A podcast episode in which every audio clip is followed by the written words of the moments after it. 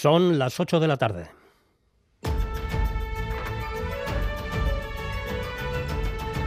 Crónica de Euskadi.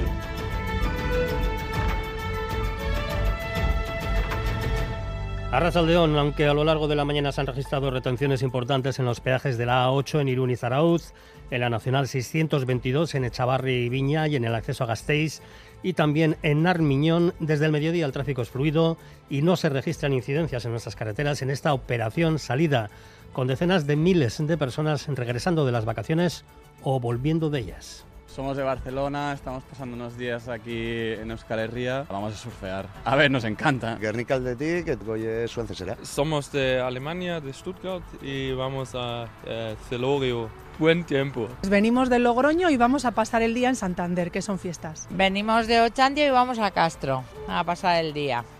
Último fin de semana de julio en el que se procede al recuento del voto cereal de los residentes en el extranjero.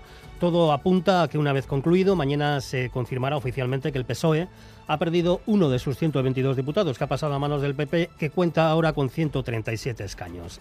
Ese cambio obliga a Pedro Sánchez a buscar al menos dos votos afirmativos de Junts si quiere ser investido presidente. Escuchamos a Pedro Rollán PP y a Pachi López PSOE. En estos momentos sería necesario un apoyo explícito de Junts, no valdría ya con una abstención de Junts para que quien ha perdido las elecciones pudiera asumir la responsabilidad de gobierno. La situación respecto a la investidura sigue siendo la misma y las formaciones políticas y especialmente Junts tendrá que decidir si prefiere un gobierno progresista o une sus votos al Partido Popular y a Vox para que haya un gobierno de derechas con la ultraderecha. Vamos con la previsión meteorológica para este domingo Escolmet de Mayal en Martija.